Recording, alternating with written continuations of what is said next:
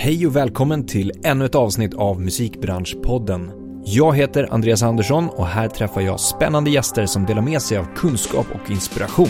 Podden produceras av DMG Education som är musikbranschens digitala kunskapsarena med utbildningar, kurser och coachning för dig som vill utveckla din karriär. I dagens avsnitt träffar jag Patrik Larsson som är A&R på Playground Music som han även var med och startade igång 1999. Patrik som har en bakgrund som artist under 90-talet upptäckte arbetet bakom musiken med artistutveckling och ENR tidigt och har nu en lång och bred erfarenhet kring just arbetet med det här. Vi pratar om allt från Patriks resa till konkreta tankar och arbetssätt inom just artistutveckling, att jobba långsiktigt och bygga en artists varumärke och ID. Något vi även kommer in på som nästan har blivit som Patriks motto är att ändra så lite som möjligt. Och vad det här innebär i hans arbete ska vi ta reda på. Det här och såklart mycket mer. Vi kör igång. Välkommen till Musikbranschpodden Patrik Larsson. Tack så jättemycket. Jättekul att ha dig här. Tack. Ja. Äntligen. Äntligen! ja, men vi har mejlat lite grann eh, och, och bokat där, men... eh, Ja, ja, men jag är ett stort fan av eh, den här podden. Så att, Så kul. kul att få sitta i den här fåtöljen. Ja, jätteroligt. Vi, eh, vi har träffats några gånger. Mm. Men, men, vi träffades också på, jag kommer aldrig glömma det på, ehm, visst var det Where's the Music i Norrköping? Det kan ha varit. Så du satt med i en panel som jag modererade. Ja, just det. Och du representerade Vad är det, vad är det nu du ska ta upp?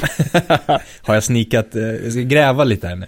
Nej men inför så kommer jag ihåg att du sa det, men vad, vad- vad för det var, det var ganska tidigt att jag modererade, jag hade inte gjort så många sådana saker och sa du det. Men vad, vad liksom, eh, eh, våga vara lite, ställa lite kritiska frågor nu. Det blir roligare när det är lite, vad ska man säga, slitningar mellan panelgästerna. Och det blev det. Det blev det lite grann. Ja, det hettade till lite grann. Lite mot det var, slutet. Det var väl, det var väl framförallt en diskussion om, eh, om Idol. Ja, Som koncept som jag inte riktigt eh, höll med deltagarna om. Men, eh, men det var ju kul att du Ja. kommer ihåg det. ja, men det är ju viktigt. Alltså, eh, nu ska vi inte gå in på det för, för länge. Men det finns ju en... Eh, tyvärr är det ju så att eh, paneler har en tendens att bli ganska tråkiga. Ja, Oftast är det för att det är för mycket människor som sitter och pratar om saker som är självklart för dem. mm. Och det bara rullar på och det tuggas och du har en moderator som inte vågar vara tuff och utmana och våga gå vidare snabbt. ja, liksom. ja, ja, precis. För det är, det är något av det tråkiga som finns att sitta och lyssna på en panel där allting bara... Mm.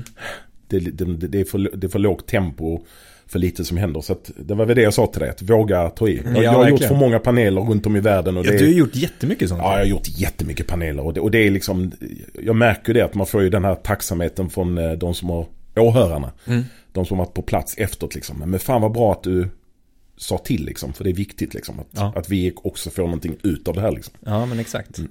Ja. Men du, eh, jag måste bara börja med att säga att eh, på vägen hit så läste jag ett eh, Instagram-inlägg. Ja, alltså, lite koppla ihop här nu då. ja. Ehm, av Magnus Broni, ja det. som också har varit med i podden sedan tidigare. Kungen. eh, som vann en Grammis förra veckan. Ja. Och han gör ju inte musik. Men det Nej. var så kul för han, han citerade ju dig i sitt Instagram-inlägg. Och han skrev ju då, man kan få en Grammis för att man gör musik. Men man kan också få en Grammis för att man bryr sig om musik. Och det har du nämnt då. då. ja. Det är kanske någonting som ska stå på min gravsten. Det är ett jävligt fint citat. Alltså tro mig, det kom från ingenstans. Det var inte planerat. Eh, Vi stod ett gäng eh, under Grammis. Jag tror det var massa folk från eh, P3 och lite annat SVT-folk som stod där också om jag minns rätt. Och det bara kom. Ja. Jag såg att Magnus reagerade bara. Fan vad bra sagt. Och så tror jag att han glömde bort det. Men sen tackade jag honom igen. Och gratulerade igen på social media en stund efter. Och då sa han bara. Visst sa du någonting fantastiskt där. Och så kom vi på det båda. Så sa han. Får jag citera dig? Jag bara självklart. Men det är en bra, alltså jag, jag gillar den. Ja, ja, det är...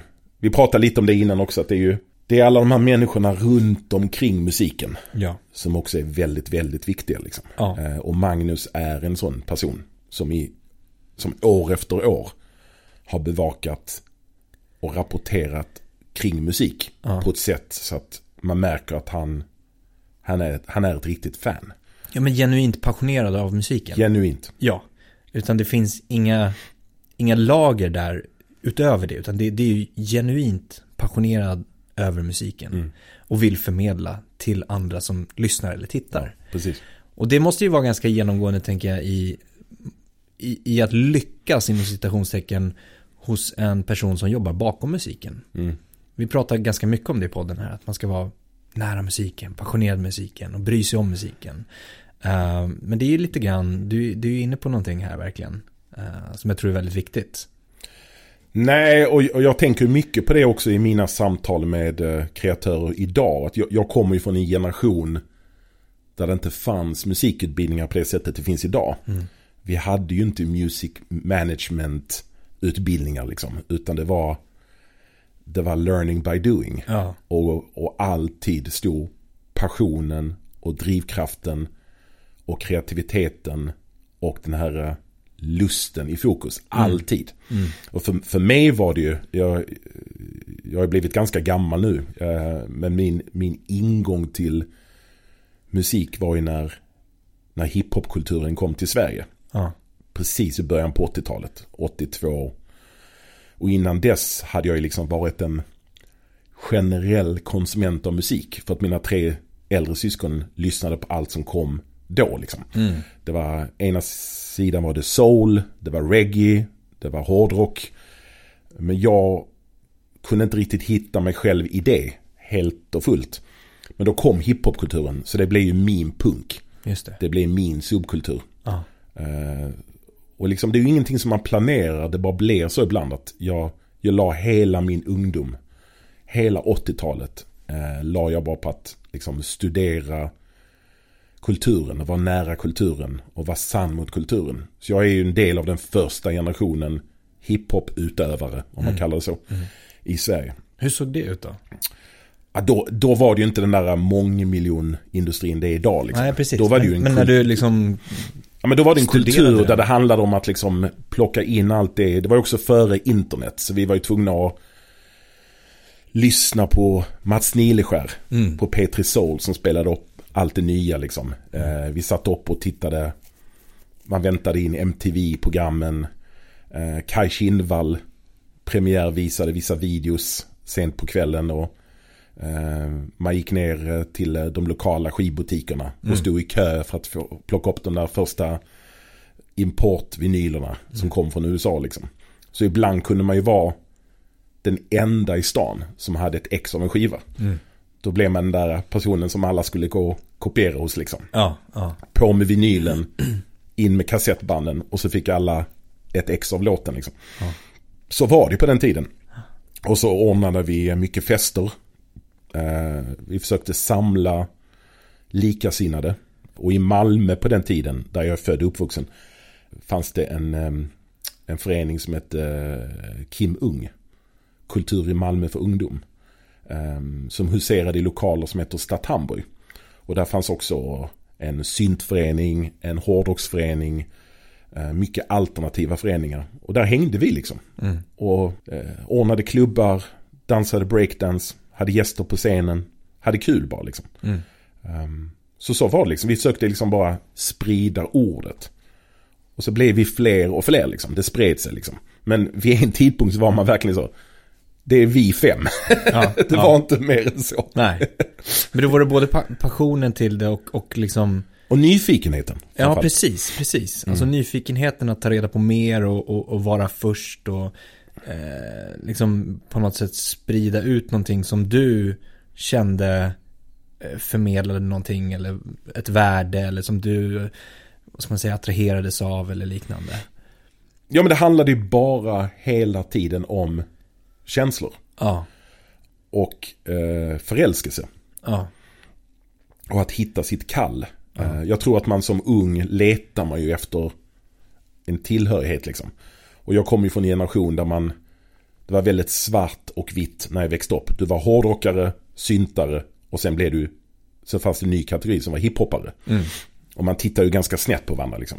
Eh, Det var ju inte som det är idag. Idag kan du liksom Du lyssnar på allt.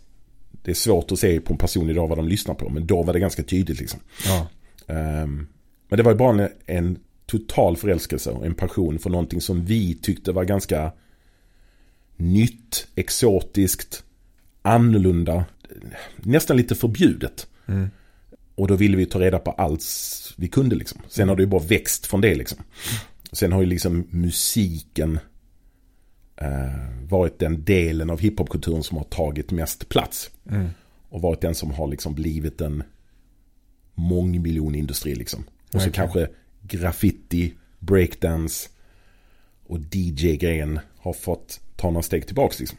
Men det är fortfarande del av en kultur som Mm. ändå inte är så gammal. Den är ju, den är ju runt, det är ju 50 år nu liksom. Mm. Mm. Och jag har varit en del av den i 40 plus liksom. Ja. Så det, är- det är mitt liv. Ja. Eh, Hiphopen, hiphopkulturen eh, fostrade mig.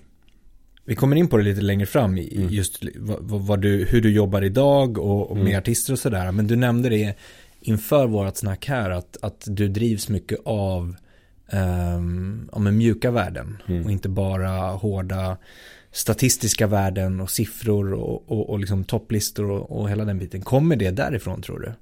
Alltså Ja. från grunden, nyfikenheten och, och liksom själva musiken. 100%. Jag tror att det kan man aldrig förändra. Jag tror, jag tror många från min generation drivs just av det här med att det måste vara på riktigt. Mm.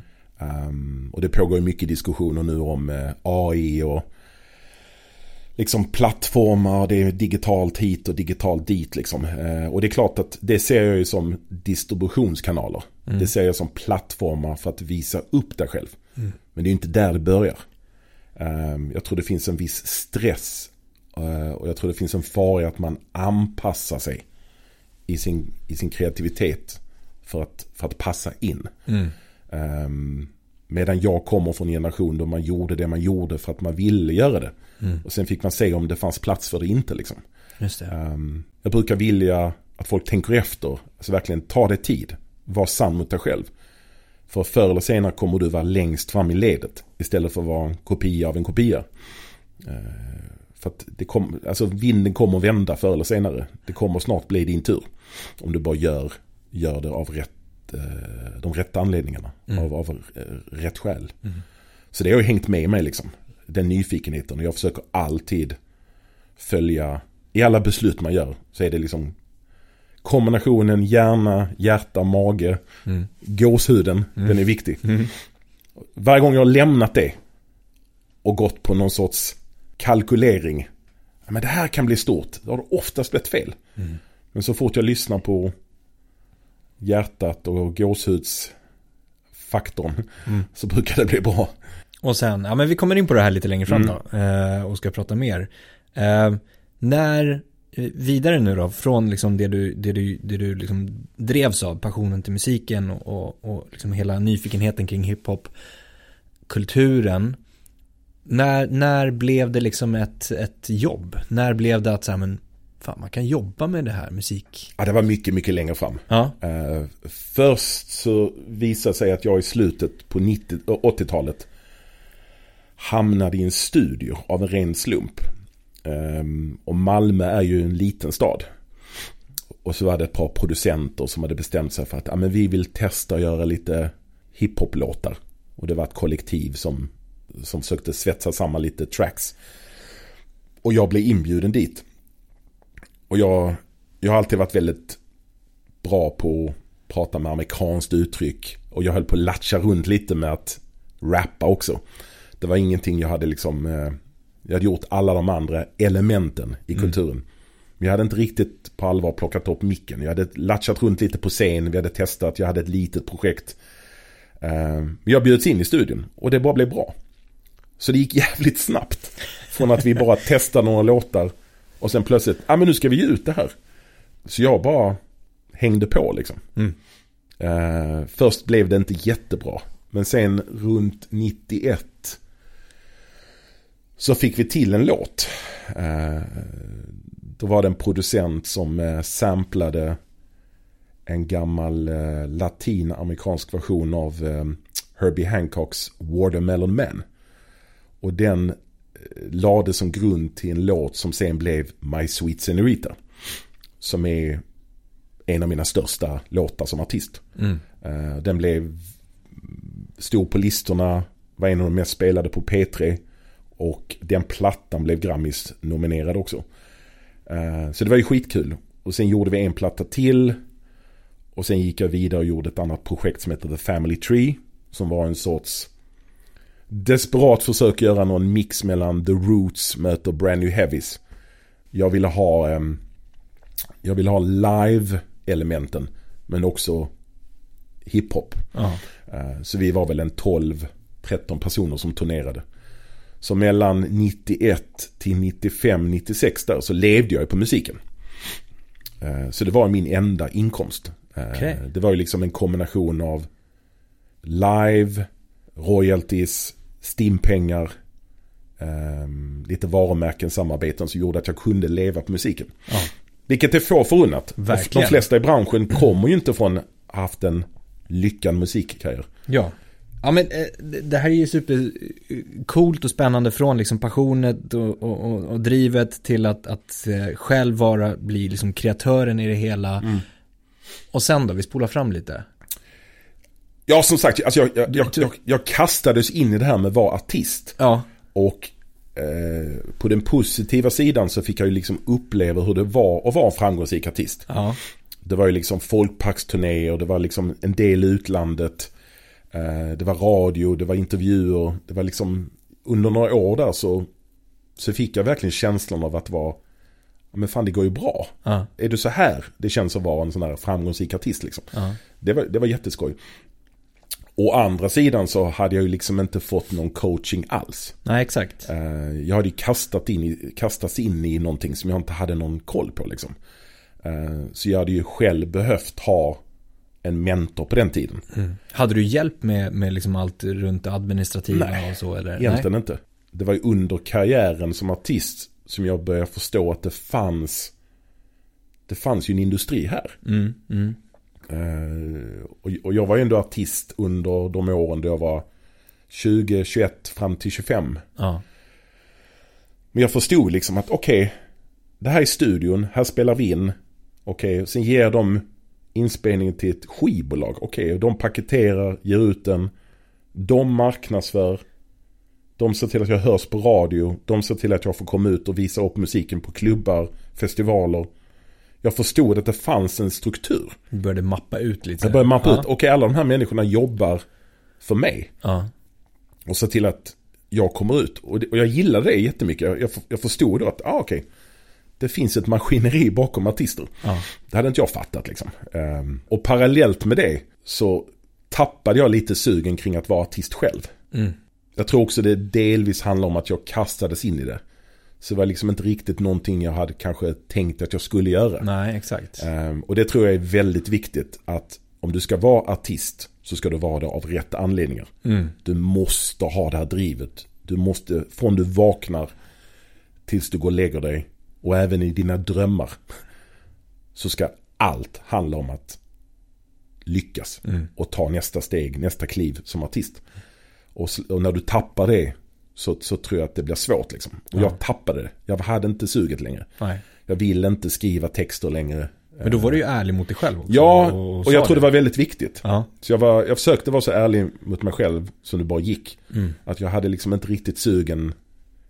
Det fanns inte ett intresse kvar liksom. Att gå in Nej. i studion, spela in, skriva, sätta mig i en turnébuss, åka, uppträda. Ehm, men däremot hade jag ju upptäckt att det fanns en bransch. Mm. Så den attraherade mig otroligt mycket. Och av en ren slump så fick jag frågan om jag kände någon som ville ha ett jobb på ett eh, skivbolag. Mm. Och då sa jag att ja, jag vill ha det jobbet. så det gick ganska snabbt från Ja. att ha varit artist till att jag fick ett jobb på ett skivbolag. Men du nämner någonting, av ren slump har du nämnt två gånger nu. Du var en slump i en studio ifrån början och en ren slump så fick du frågan. Mm. Men, men är det verkligen slump eller har du skapat dig de förutsättningarna för att få den frågan eller få det sammanhanget? Tack vare nyfikenheten, tack vare drivet, tack vare... Ja, så är det nog. Så du har ju satt dig där någonstans av, av egen, egen kraft. Nej, men ja, kanske slump är ett ehm, fel ord. Det handlar ju om att bara hålla dig framme. Mm. Vara längst fram. Vi pratade lite grann om det Ja, innan och, och vara liksom känd för att liksom, ja men ja, men den där personen gör rätt grejer. Mm. Håll koll på honom liksom. Och där började då liksom resan bakom musikbranschen. Precis. Ja. Så från eh, 96 har jag bara typ jobbat på andra sidan. Ja. Bakom.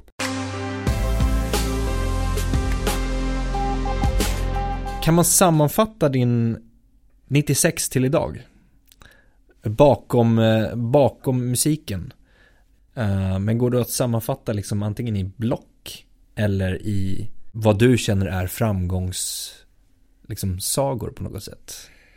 Det jag tar med mig från hela mitt liv Mm. är att och det är ju liksom det är ju varför alltså jag hade ju mina hjältar. Ja. Jag hade dem jag såg upp till. Ehm, och jag tyckte alltid att deras output, deras kreativitet, det de gav ut, det de utstrålade på skiva, på scen, handlade om eh, att vara så sann som det bara går. Mm. Så det har jag hela tiden försökt ta med mig. Och jag har velat liksom alltid, jag har alltid försökt gå mot strömmen så mycket jag kan. Jag har velat gräva lite djupare. Jag har velat ge liksom de där udda namnen en chans liksom. Mm. Och det handlar någonting om att liksom bara en, en känsla man får. Det är ju inte ofta en artist är helt klar och färdigutvecklad. Men det gäller att upptäcka någonting Mm. i någon, eh, i någon presence, närvaro, i ett uttryck, hur de uttrycker sig. Jag har försökt ta med det att liksom att men jag vill jag vill ge framtida stjärnor en chans. Mm. Men framtida, just. Du vill gärna... Ja men alltså att Vara jag menar där att de, tidigt ja, jag menar att de, att jag ser att de kan bli riktigt stora Ja. någon gång. Exakt. Men någonstans måste det börja. Ja. Och jag tror att det är kanske någonting som har gått lite förlorat i vår bransch. Det är det här långsiktiga artist development-tänket. Mm. Eh, Om man går tillbaks liksom till 60, 70, 80-talet så var det ju liksom ganska vanligt att artister fick sitt stora genombrott först på sin tredje skiva. Mm. Eh, Det finns ju många exempel på det. Eh, Men just att vara där, vi pratar väldigt mycket om det inom företaget. Att vara bara en safe harbor för Mm. artister. Mm. Att inte stressa upp läget för mycket. Mm. Identifiera talang och ge dem en trygg närvaro, äh, tillvaro. Mm. Men gör din musik. Det är väldigt svårt att prata hits med artister. Vad är en hit? Mm. Ehm, Men däremot om eh, artister känner sig trygga så kommer det komma fantastiska saker. Ja, exakt. Så det är, jag har hela tiden försökt leva kvar i vad som fick igång mig liksom. Ja, ja, Eh, när jag lyssnade på musik liksom. ja. Men vad har tagit dig dit du är, eller så här då. Vad, det du gör idag Ja. eh, på Playground. Vart, vart är du någonstans just nu? ja, alltså jag är ju, jag är ju liksom, jag är en klassisk ENR. Och det vill jag fortsätta vara liksom. Det finns någonting otroligt spännande i att få vara med och utveckla och forma artister. Mm. Ehm, och just att jag är på mastersidan. Att jag är med och formar det inspelade som vi ger ut som singlar, EPs, album, vad den är. Det är otroligt spännande.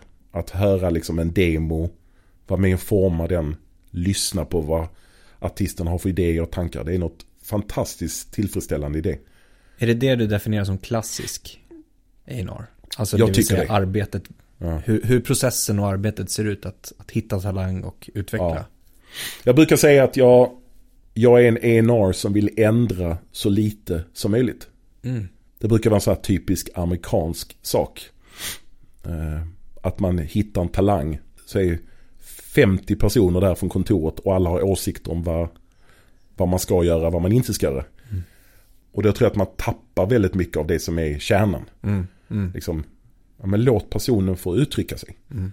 Um, var det inte rätt från början så strunta i det liksom. Så jag vill ändra så lite som möjligt. Handlar om Så- att förstärka så mycket som möjligt. Ja, men, men, men någonstans så handlar det om att om du ändå ska ändra väldigt mycket så kanske det, får, s- det kanske inte blir rätt. Mm. Eh, och det kan också betyda att det tar kanske lite längre tid ibland innan vi bestämmer oss för att samarbeta. För att det handlar ju om det handlar om så, så mycket saker som ska stämma. Mm, mm. Det man skapar ju en sak. Men sen ska du dela visioner, du ska dela mål. Du ska ha en kommunikation som funkar. Mm. Eh, Du ska ju höras dagligen liksom. Ehm, Och det måste funka. Mm. Och det är viktigt att känna in vart artisten och kreatören befinner sig. Vi pratar väldigt mycket om det att vi liksom, ja men det är många boxar som ska checkas. Mm.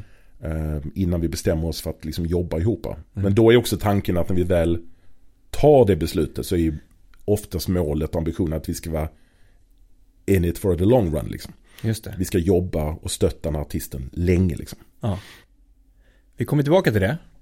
Men om vi hoppar in då, Playground Mm. som bolag. För att se lite grann. Det startades ju på 90-talet också då. Du var med och, och drog igång det. Hur och varför startade det? Vi var ju på ett annat skivbolag innan, många av oss. Ehm, och det, det blev inte samma bolag längre. Det hände saker på företaget. Så det plöts, plötsligt fanns det behov av att starta någonting nytt. Ehm, så vi var ett gäng som gick samman. Och startade Playground Music hösten 99. Mm. Och då också med hjälp av utländska bolag. Som ville ha en ny hemvist i Skandinavien. Så redan från början var vi liksom uppe och körde med full styrka och alla kontor och allting. Så vi var redan från början typ Nordens största oberoende musikbolag. Mm. Vilket vi än idag är liksom. Ja, exakt. Mm.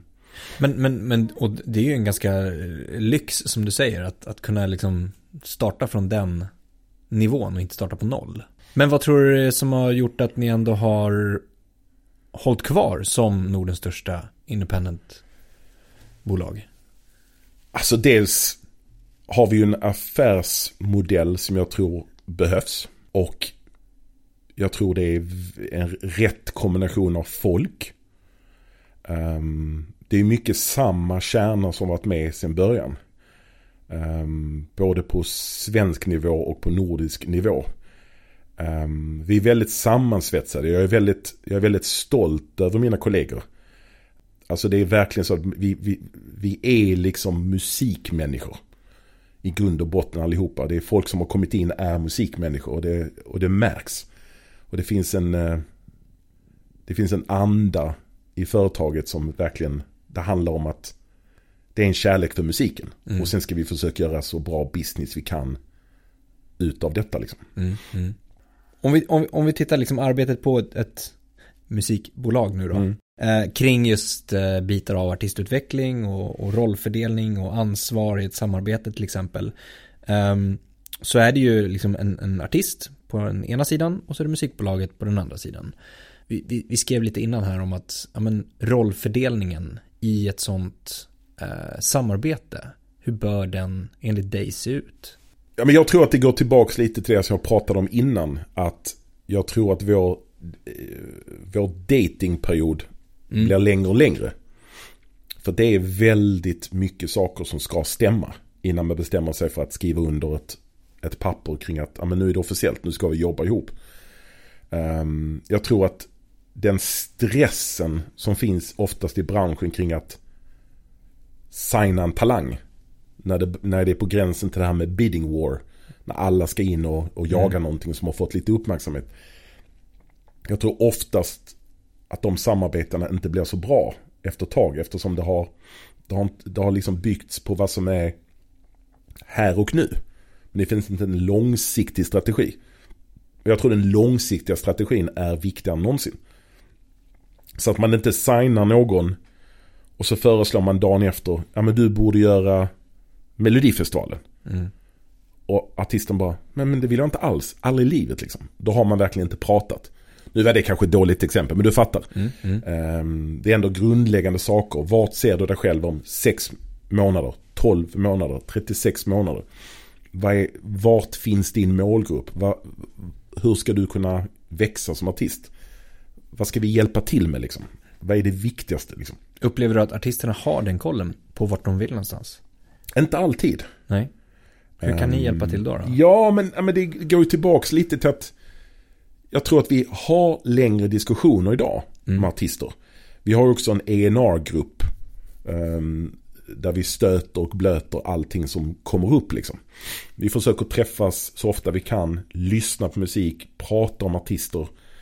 Um, och försöka ställa tuffa frågor till varandra. Liksom. Varför mm. ska vi göra det här? Liksom? Um, och vi träffar artisterna flera gånger. Uh, och sen oftast är det ju inte så att det bara är en artist i bilden. De har ju oftast ett team. Mm. Det kan finnas management.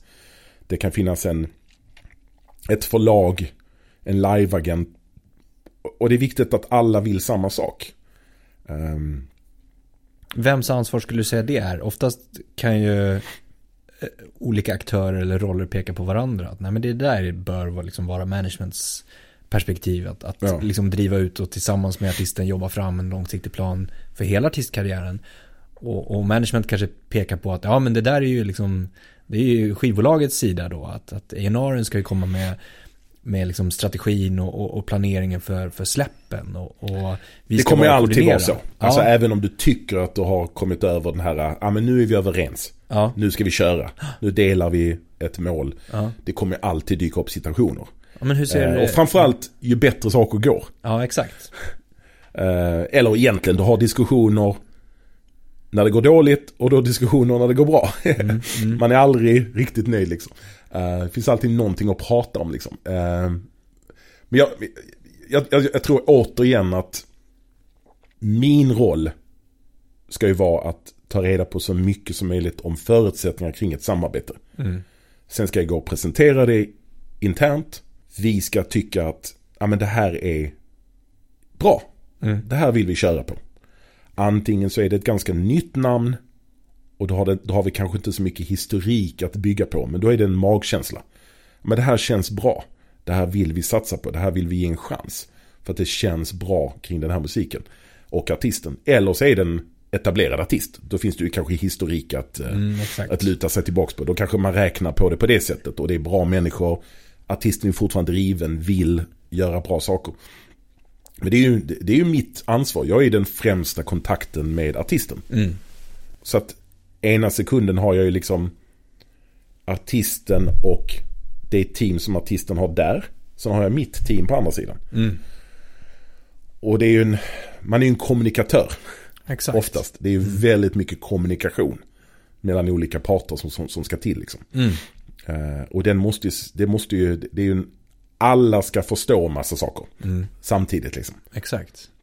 Men hur, jag tänkte på så här, bilden av, eh, säg Inar-gruppen där som du pratade om. Att mm. Ni sitter och lyssnar på musik, ni pratar om det, ni liksom stöter och blöter. Eh, där och då är ju inte artisten medveten kanske om det. Att ni gör det.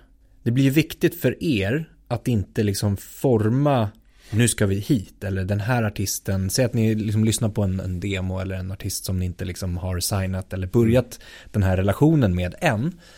Det blir viktigt för er att inte forma någonting innan ni vet om, eller ni vet, har diskuterat med artisten kring visionen och långsiktiga planerna för den. Men, men det är ju viktigt att poängtera. Vi tar ju oftast inte upp någonting i ENA-gruppen förrän möten har funnits. Okej. Okay. Ja. Eh, eller jag gör i alla fall inte det. Nej. Eh, sen beror det på lite. Eh, det, det, kan ju, det kan ju vara så att man bara hör en låt. Exakt. Men shit, den här låten är fantastisk. Vi har mm. inte så mycket tid. Vi kanske, det måste gå lite snabbare. Mm. Men grundtanken är ju oftast att det har funnits många möten med artisten. Mm, mm. Så att det man tar in i ENA-mötet är just tankarna även från artisten. Mm, mm. Det är ju jätteviktigt. Mm. Annars är det meningslöst att ha ENA-mötena i gruppen. Mm. Om vi inte har en, en bild av vad artisten vill. Men och, tycker, och tycker vi fortfarande att det är intressant då så bjuder vi oftast in artisten också. Just det. Mm. Det är viktigt att artisten får gå runt på kontoret, hälsa på folk. Eh, och att det handlar ju hela tiden om att ta nya steg mot att vi till slut alla känner sig trygga nog att gå vidare och signa. Mm, mm. Det, är, det är målet liksom. Men det mm. har ju liksom, det kan börja med bara ett samtal med mig och artisten. Mm. Sen är det ett till samtal med mig och artisten. Det är samtal med mig, artisten och artistens team. Jag tar upp DNA-gruppen, artisten kommer förbi. Det tar ju oftast ganska lång tid. Ja. Och det är mycket förhandlingar, det är mycket snack fram och tillbaks. Mm. Det är mycket som ska stämma. Mm. Du måste ju i din roll lämna lite av liksom ditt, inte ego, men på något sätt bilderna av vart du kan se den här musiken eller artisten framåt. Eh, I vissa sammanhang, att inte pracka på för mycket om vart du ser artisten. Utan balansen tänker jag, hur, hur ser den ut? Att, att, eller utmaningen med att balansera vad du ser och vart det här skulle kunna ta sig någonstans. Som du nämnde, ja men Melodifestivalen eller mm. om det är eh, utlandet eller den här sortens festivalspelningar eller mm. de här sortens spellistor eller liknande. Du, du har ju ett upparbetat, eh, vad ska man säga, en erfarenhet om mm. vad som funkar och vad som inte funkar.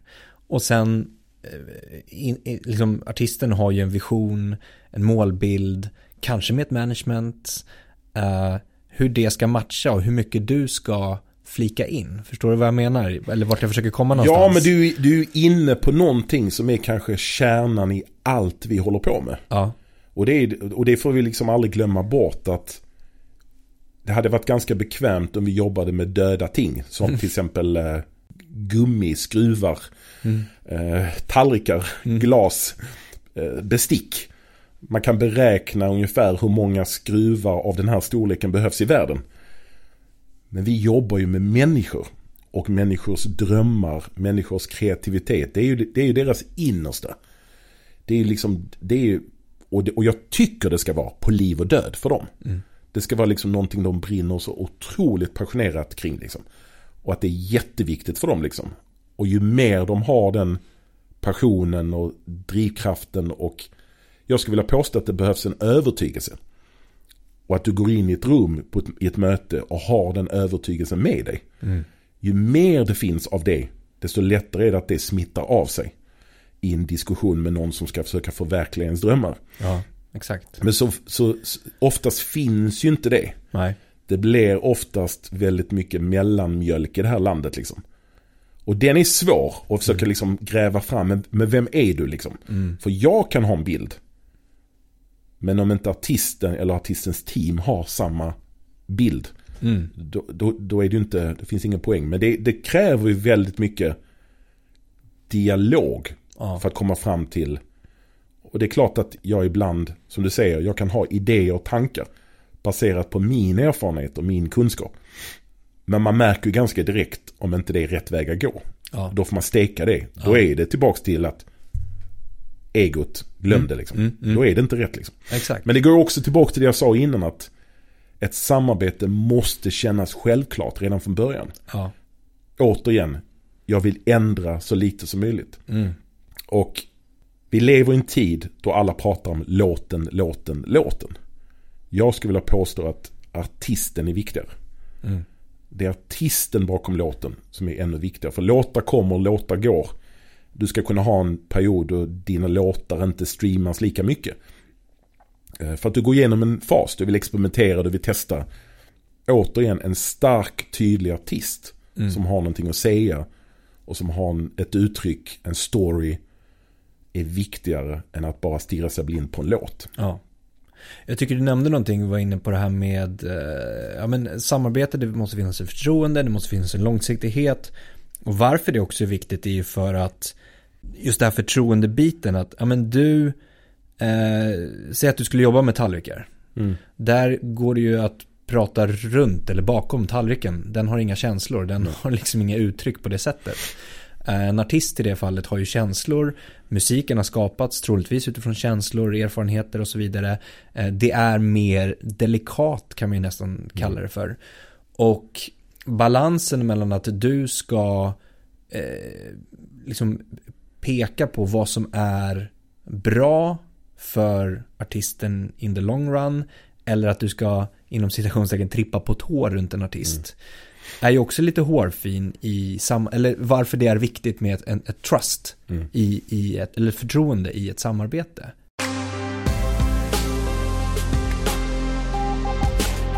Du var inne lite grann på det, det här med en helt ny artist versus en etablerad. Mm. Som ni, ni ska börja jobba med. Där ser väl processerna ganska olika ut och, och även tidsaspekterna. Att, att, det finns ju mer att jobba på. Ett artistvarumärke till exempel som redan ja. har arbetats upp. Ja, men där tar man vid och kanske fortsätter på det och, och inte förändras som du var inne på. Mm. Ehm, och mer förstärka i det fallet. Och, Mm. och en helt ny måste ju processen se helt annorlunda ut. Att jobba mer för att ehm, ja, men, hitta den här långsiktiga planen på något sätt. Det behöver inte vara stor skillnad. Nej, Eh, Det beror ju på lite vem den etablerade artisten är. jo, sant. Ehm, Den etablerade artisten med sitt team. Utåt sett kan det verka som att de har gjort allt, sett allt, varit med om allt. Mm. Och det man vill undvika när man gör en deal med en etablerad artist är att de är på väg ner, att de är luttrade, ah, du vet uppgivna. Vill egentligen bara hålla på och släppa musik. Mm. För att ha en grund för att sticka ut och spela live. Då är det inte roligt. Men vi jobbar ju som tur är med väldigt många etablerade artister som fortfarande är hungriga. Ja. Som fortfarande är sugna. Jag menar vi hör ju hela tiden Det är inte alla artister jag jobbar med direkt liksom. Men jag hör ju från kollegor att liksom Thomas Ledin, Benny Andersson, de är ju de är jättetaggade på sin musik inför framtiden liksom. Och då är det jätteskoj när man märker på Thomas när han presenterar en ny låt att fan det här är det bästa jag har skrivit liksom. Mm. Det är en underbar känsla. Att efter så många år fortfarande vara väldigt pigg på sin musik liksom. Ehm, och jag märker ju samma sak med Mando Diao. Som har varit med väldigt länge och gått igenom massa förändringar och det är ett under att de fortfarande håller ihop liksom. Men de har också hittat en plats. De känner sig mer hungriga än någonsin. De är jättekreativa. De har hittat ett sätt att göra musiken tillsammans. Där de egentligen inte behöver så mycket utomstående folk. Utan de gör, de gör det utifrån ren kärlek liksom. Mm. Till varandra och till musiken. Och då är man också så, det är så jävla skönt att kunna backa då liksom. Låta Mando Diao få ha sin lilla lekstuga som vi supportar. Mm. För de gör det bra. Mm, mm. Och där då? Hur ser, hur ser liksom A&R-arbetet ut i en, i en, en, en, en sån relation? Då handlar det ju inte om att upptäcka talang, att, att, Nej, att ta vidare, stötta. signa, Det är bara stötta. Men, men Hela hur, tiden stötta hur ser bara. den stöttningsarbetet liksom, arbetet ut? Alltså det kan, vara, det kan ju bara handla om att putta saker i rätt riktning liksom. ja, Det kan vara Som liksom, till ja, men, exempel? eh, ta inte bort den låten.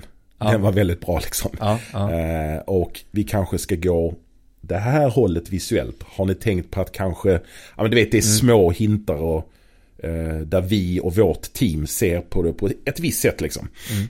Men oftast uppskattas det ju. Mm. Ehm, och det kanske bara är så enkelt att man är väldigt nära sin musik. Ja, Att man uppskattar och får de eh, idéerna och tankarna liksom. ja. Är det mer av ett bollplank då? Ja, ett bollplank. Ett, ett kreativt, positivt, vi vill lyckas typ av bollplank liksom. Ja, Att we're, we're in it together liksom. Lyssna, vi har ändå erfarenhet. Om vi står i, i valet och kvalet så det där är bättre än det. just det. Och oftast lyssnar de. Men kommer vi i en situation då vi inte är överens så låter vi oftast artisten få köra sitt race. Mm. Det är bättre. Mm, mm. Det här med, du var inne på det liksom, artist development, artistutveckling, att det är, det är viktigt. Hur ser ett arbete ut, så detaljerat som möjligt, i, i att liksom utveckla den här artistens ID, att utveckla artistens varumärke, att hitta fans som liksom verkligen liksom vill höra den här artisten. Vad är lyckade arbetssätt, koncept? Ja, alltså tillbaks igen till lite det vi pratade om att hur det ser ut idag. Jag tror att vi jagar vi jag, jagar den här synken. Mm. Vi jagar den här spellistan. Vi jagar den här virala framgången. Ehm, och de är jättepositiva. Det är ingenting som vi säger någonting emot. Men de är väldigt, ofta väldigt temporära. Väldigt tillfälliga. Och tar du bort dem ur ekvationen så är du tillbaks oftast på ruta noll liksom. Och det man ser som händer oftast med artister det är att deras kurva är så här. Mm. För att du har den låten som fick väldigt mycket uppmärksamhet. Sen är det ingenting liksom. Så målet är ju alltid att omvandla följare, lyssnare till fans. Mm. Du vill ha fans. Det är det absolut viktigaste. Och de kan vara väldigt få i början. Men gör du rätt grejer så ser du hur de hela tiden blir fler och fler. Mm. Så det är målet. Och då går det återigen tillbaks till att tillsammans med artisten definiera var, vem är du? Var kan din målgrupp finnas? Så vi inte skjuter vilt. Oftast gör man det, man bara liksom, man går på allt. Um, och det, istället att vara, vara nischad artist. Mm. Det är okej okay att vara nischad artist och vara väldigt tydlig med vem du är. Börja det lilla. För egentligen börjar ju alla som nischade artister. Sen blir det populärmusik efter ett tag. Och det är egentligen bara populärmusik för att väldigt många lyssnar på det. Men många börjar ju i det, i det lilla liksom. Och gör någonting väldigt smalt. Eh, och sen blir det ringar på vattnet liksom. Mm. Så det handlar om att liksom definiera en publik. Var väldigt tydlig att jobba mot dem. Och sen vill vi få dem att prata gott och högt om artisten. Mm. Hur kan man göra det? De gör ju det automatiskt. Om de, är, om de tror på artisten. Mm. Um, artisters ambassadörer är det viktigaste vi har. Det slår ju vilken annonsering som helst. Um, sen hjälper det ju till att vi kan få radio, att vi kan få en spellista, en synk, en artikel, ett tv-uppträdande, ett, ett bra gig där. Um, det, det, det, det, läggs ju på ja, uh, och ja. hjälper bilden av artisten att, Mm. att nå ut och spridas. Men jag tror att omvandla följare till fans Mm. är det viktigaste som finns. Mm. Och, och, vi, och när vi ser det hända, jag, jag, jag har sett det nu med, med dina ögon. Som är ett sånt exempel på där vi verkligen checkar varenda liten box liksom. Det är ett band som egentligen musikmässigt sticker ut ganska rejält. Ehm, men eftersom de gör det så fruktansvärt bra så är den där typiska word of mouth effekten som inte händer så ofta. Mm. Och man kan nästan luta sig tillbaks och bara se att det sker automatiskt. Där musiken är på plats, det funkar fysiskt, det funkar digitalt, det funkar på radio, det funkar hos press, det funkar live, det funkar synkmässigt, det funkar utlandet. Mm. Och det är bara underbart när det sker liksom. Eh, och det är, liksom, det, det, är svårt att förutspå när det händer. Ja. Det är bara att vi utgick från någon sorts grundkänsla. Mm. Det här låter bra. Och sen, och sen sker det om det sker. Liksom. ja, exakt. Och man åt andra hållet då. Eh, säg att ni börjar jobba med en artist som har fått den här synken. Mm. Som ett första startskott. Där det inte finns de här hardcore-fansen eller supermånga följare. Eh, hur, hur kan man jobba för att eh, ändå liksom utnyttja den möjligheten eller det läget. Eller säg en, en spellisteplacering. Mm. Att en, en låt har liksom bara plockats in och helt plötsligt har den spridits ut. Och så har du en, en, en, en hype på låten. Mm. Men du vill bygga artisten. Mm. Hur, hur, hur kan man ta det, den möjligheten och, och liksom amplifiera den på något sätt? Ja, där har, vi ju, där har vi ju marknadsavdelningar som är väldigt bra på det. Mm. Och vi tar ju upp det på våra marknadsmöten. Mm. Vad är det som händer? Vi försöker liksom försöker pinpointa saker som händer liksom. Eh, rörelser. Alltså så analoga och old school är vi inte att vi inte bryr oss om siffror och eh, statistik och eh, vi stirrar inte oss blint på det. Men Mm, när det nej. väl händer så försöker vi liksom, okej hur ska vi kunna använda det här till vår fördel? Mm. Hur ska vi kunna liksom använda det? Eh, dels använder vi det liksom som en, eh, som en selling point. Mm. För att fortsätta prata med övriga liksom. Det är ju Mm. det är konstant legobyggande liksom. Man lägger det på plats hela tiden. Vi behöver ju liksom, du kan gå till en journalist och säga, det här är fantastiskt. Mm. Journalisten bara, ja ah, okej. Jag hör dig. Sen kommer man tillbaka och säger, ja men nu har artisten gjort det här. Ah, okej, jättebra. Så kommer man tillbaka en tredje gång, nu har det hänt detta också. Och det visar ju bara på att saker, inte, saker står inte helt still. Mm. Vi bygger någonting. Eh, Så allting som händer runt omkring försöker vi använda på ett positivt sätt. Liksom. Mm. Ehm, Men vi får ju titta på vad det är för något. Liksom. Går det rätt i linje med, liksom, är det tillräckligt intressant så vill man ju liksom göra en stor grej av det. Liksom. Exakt. Eh, Vissa saker är bara, ja, du fick en spellista. Ja, det får Mm. alla hela tiden. Liksom. Mm. Så du måste verkligen, du kan, inte, du kan inte utnyttja alla grejer. och springa med det och skrika högt liksom. Du får välja dina strider. Exakt. Mm. Du var inne på det lite innan i vårt snack här, innan vi började spela in det här, att, att eh, eh, vara top of mind eller också att vara, att aktivt höra av sig. Mm. Och du nämnde det nu också till journalist till exempel, att aktivt höra av sig och inte passivt invänta att det ska hända. Till exempel då synk eller spellistor, utan eh, hand i hand jobba på att bygga ett, ett artistvarumärke med de här aktiviteterna. Liksom, mm. Som du sa, legobitarna som byggs upp. Mm. Och de går hand i hand.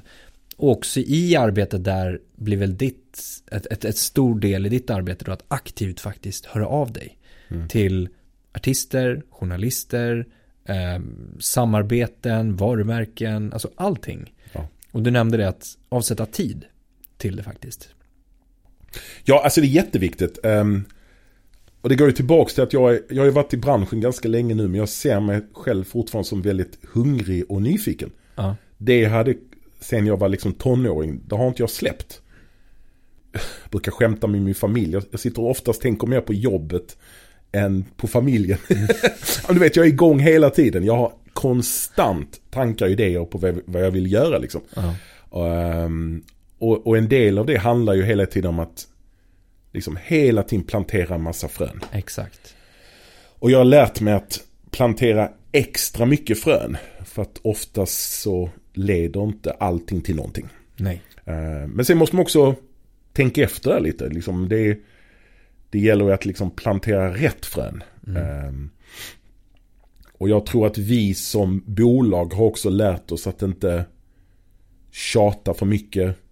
Inte tycka att varenda låt vi släpper varje vecka är världens största låt liksom. Utan jag tror också att andra sidan, de vi pitchar mot, mm. vare sig det är en music supervisor, en radioredaktör, en journalist eller en redaktör på en DSP. Att de, att de jag tror att de uppskattar att vi inte ligger på om allt hela tiden. Utan att vi också förstår att de har ett jobb att göra. Mm. Synk är en sån här klassiker liksom. Alla tycker att de gör synkvänlig musik. Mm. och det är något av det roligaste som finns. Man, jo, men vad betyder det egentligen? Ja. Jo, men jag gör musik som skulle kunna passa. Ja, jo, men det gör, det gör ju alla liksom. Ja. Och det vi har försökt se till är att veta vilka alla music supervisors är. Vilken, vilka shows, vilka tv-shows och filmer och sånt de jobbar med. Vad de går igång på, vad de gillar. Och sen handlar det om att presentera musiken på rätt sätt. För de är ju fans av musik. Mm. Det är ingen tvekan om det. De älskar ju musik. De hamnar ju där för att de älskar musik. Men bara för att de är fan av musik så betyder det inte att det finns ett, ett tillfälle just där och då. Det är därför synkar ibland kan ta fyra år hända. Plötsligt får vi ett samtal. Ja men nu vill jag lägga den här låten i denna tv-serien. Mm. Eller i den här reklamen. Mm. Jaha. Men det är för att de har varit ett fan. Men när tillfället dyker upp mm. är väldigt svårt att, att veta i förväg. Och det är där liksom de här planteringarna ja, ja. och fröna som är så pass viktiga. Precis. Men också som du var inne på att du vet inte vart det ska leda till. Och, och som du sa att, att eh, även om du planterar ett frö eh, som du inte vet om det är rätt eller inte, ja. att fortfarande plantera det. För att du vet inte om det är rätt. Förrän antingen om ni träffas eller om ni tar ett möte eller vad det nu skulle kunna vara. Ja, vi hör, ju, vi hör ju av oss till våra kollegor i branschen hela tiden. Ja. Jag försöker så gott det går att ta kontakt med managers och förlag, artister, agenter och bara liksom se till att de vet att vi finns. Ja. Ja. Om saker och ting förändras så finns vi. Ja. Låt oss ta ett förutsättningslöst möte. Liksom. Mm. Det kan vara rätt för oss att göra någonting ihop. Mm. Mm. Ja, men jag tror att det är så viktigt att ändå ha, eh, jag brukar säga det till, till våra studenter, att, att, att försöka ha ständigt pågående dialoger eller diskussioner. Till exempel plantera tio frön i månaden. Att ha ständig dialog med 20 stycken. Mm. Det kanske leder, två av dem leder till någonting, ett samarbete eller vad det nu skulle kunna vara. Mm. Oavsett om du är anställd, konsult, är artist, producent, allting. Att ständigt ha någonting för att det, det kommer inte, du, du, om du alltid har en sak igång och inte jobbar på nästa eller har planterat frön, då kommer det ju vara en period av en, en down-period där du kommer behöva plantera de här fröna. Helt Mm. plötsligt så har du då inga intäkter till exempel. Mm. Om du är konsult eller du har inget projekt igång. Så du behöver ju ständigt vara on top på Ja. nästa grej och ha ständigt planterade saker. Mm. Det är det som ja, men, säljare jobbar med också. Att Mm. ständigt ha en pipeline på något sätt med olika diskussioner. Eh, för att allt leder inte dit. Och jag tror att det är samma med artister också. Att allt, alla samarbeten, alla diskussioner med A&Rs, managers, bokare, spelställen, eh, spellisteplaceringar, whatever, kommer inte leda till någonting. Alla dina låtar som du skapar, producerar, skriver, framför kommer inte leda till någonting. Och sam- li- liknar det lite grann med det att du behöver skriva 100 låtar för att eventuellt skapa 10 stycken för ett album. Eller Mm. vad det nu skulle kunna vara. Att komma ifrån den här äh, bilden av att den här låten, det är den som kommer slå. Det är den här låten, det är den som kommer Mm. bli hitten. Det här är nästa låt, det här är nästa låt. Alltså, och du är inne på det att, att bygga den långsiktigheten eh, och i det liksom paketera sig på något sätt som artist. Alltså vi lever ju i en tid, vare sig du arrangerar, alltså, vad, alltså hur du än vill uttrycka dig Mm. kreativt. Så lever vi i en värld nu som är väldigt do it yourself. Det Mm. finns egentligen inga ursäkter. Du kan inte bara luta dig tillbaks och vänta på att någon annan ska göra jobbet. Ehm, det, är ju en, det är ju en varningsklocka om något liksom. Eh, så det har ju lite försvunnit. Jag kommer ju från en period då, då det var väldigt tydliga gatekeepers. Ja. Du kunde omöjligt skapa en karriär om du inte hade ett skivbolag som kunde få ut musiken i skivbutiker. Mm. Det var liksom ett visst antal skivbolag som pratade med radio, tv, allting var väldigt kontrollerat. Men idag har det ju släppts fritt liksom på ett annat sätt. Så att det finns inga anledningar till att inte köra på liksom. Nej. Ehm, Så jag tror att det är viktigt att folk gör insatser själv hela tiden. Mm. Men då är det väldigt viktigt att man gör det, alltså det är ju två olika sidor. När, när, när, när du skapar din musik, din image, det du vill visa upp för världen. Det ska vara intakt. Det ska vara från hjärtat och från det innersta. Men hur du väljer att presentera musiken kan du låta vara massa olika saker. Mm. Men jag tror det är bara viktigt. Det finns en viss desperation där ute. En Ja. stress kring att lyckas. Vilket gör att man märker att det är för många där ute som är, som är nu ganska lost. Att de är desperata då anpassar man sig. Man anpassar sitt uttryck utifrån vad som är hett Mm. här och nu liksom. Och det är, jag tror det är väldigt farligt liksom. Mm. Så var sann mot din kreativitet. Men var inte rädd för att berätta om det för omvärlden. Exakt. Men håll fast vid det som är du som kreatör. Liksom. Mm. Sen finns det ju kanaler för det. Men du ska ju liksom använda kanalerna till din fördel. Mm. Inte tvärtom. Mm. Mm. Du ska ju använda TikTok på ett sätt som gynnar dig. Inte tvärtom. Exakt. Mm. Men i och med det här då, alltså vi ser ju liksom independent-vågen, det vi pratat om flera år nu, men, men, men det ser vi ju i rapporter hela tiden, att den ökar ju hela tiden. Mm. Den här kategorin Artist Direct som den kallas för. ehm, växer enormt, tar marknadsandelar och sådana saker. Och ni som då är independentbolag och du som har jobbat med det så pass länge, vad tror du framåt?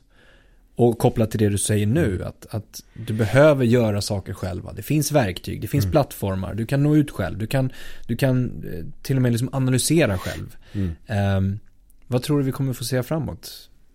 Alltså jag tycker att den utveckling som finns nu är fantastisk. Jag vill ju att alla kreatörer kickstartar sina karriärer själv. Mm. Um, om inget annat så lite för att liksom förstå att det är ganska tricky liksom. Det är mycket saker att hålla koll på. Jag tror att det är bra att få en förståelse för branschen i ett, i ett mikrosammanhang. Liksom. Att, ja, men det är ganska mycket saker jag måste fixa innan jag kan få släppa någonting. Liksom. Mm. Ehm, jag ska ta fram en master. Det är koder. Jag ska liksom ladda upp det. Jag ska ha ett omslag. Jag ska ha koll på mina plattformar. Det visuella. Det, det måste hänga ihop. Eh, Så jag tror det är ganska bra. Sen, sen, sen är det ju inte säkert att du behöver vara helt själv alltid. Men jag tror det är bra för att Lyckas du på egen hand till en viss nivå så blir det också mycket tydligare mot branschen vem du är. Mm. Jag tror att det är viktigt att vi tittar utifrån på någonting och ser att jag fattar vem du är. Mm. Genom att lyssna på din musik och kolla på det, det visuella. Och att jag har varit och sett dig på en spelning till exempel. Jag har kollat lite av dina musikvideos. Jag har sett hur du uttrycker dig i ord och bild. Jag gillar, jag gillar det här. Mm. Då är det lättare att sätta igång en diskussion om att ta upp det till en ny nivå. Liksom. Mm. För jag, jag vill gå tillbaka igen till att vi är en, vi är en infrastruktur. Och det har vi kanske gemensamt också med de större majorbolagen. Att vi är ju en infrastruktur som funkar bättre om du redan är igång med någonting. Exakt. Det är lättare att få in någonting som redan rullar i vårt maskineri. Mm. När vi ska börja helt från noll. Det blir lite jobbigare liksom. Mm. Och det finns inte ett magiskt spö vi kan vifta med liksom. Så händer det saker och ting. Utan det, det måste vara någonting som är i rullning. Som vi kan liksom koppla in oss på. Mm. Så jag, jag, jag vill ju verkligen att artister, alltså den bästa artisten är ju den som aldrig vill bli signad. Det är ju det är otroligt eh, triggande liksom. Mm. Mm. Men som du vill signa. Som jag vill signa, som inte vill bli signad. Det är ju fantastiskt. Ja. Fan, då, då har man ju en, eh, Då har man gjort något. ja men då har man en, eh, en, en kamp framför sig. Ja, ja, Men det är ju viktigt också. ja. Liksom. Verkligen. Mm. Men du, Patrik, vi kan snacka hur länge som helst om det här tror jag. Och vi kan eh, gå ner på djupet på massa olika format. Men vi, vi, vi får nog hålla formatet eh, till det det är. så det får avsluta. Åh, har det redan gått så lång tid? Det har gått jättelång tid och det har gått jättefort. Fan vad kul. Ehm, vi får väl fortsätta off, off mic, Precis. eller hur? Men stort, stort tack Patrik för jättebra samtal. Tack för att jag fick komma hit. Jättestort tack för att du har lyssnat på podden idag. Det uppskattas verkligen. Kom ihåg att följa, stjärnmarkera, gilla, dela, kommentera för att hjälpa till att sprida kunskapen i musikbranschen. Vi vill också jättegärna höra från dig. Vilka utmaningar står du inför? Vad tycker du är svårt? Vad tycker du är lätt? Vad vill du höra? Vad vill du veta? Vad vill du lära dig? Hör av dig till oss på info at Tack för idag och ha en fortsatt härlig dag.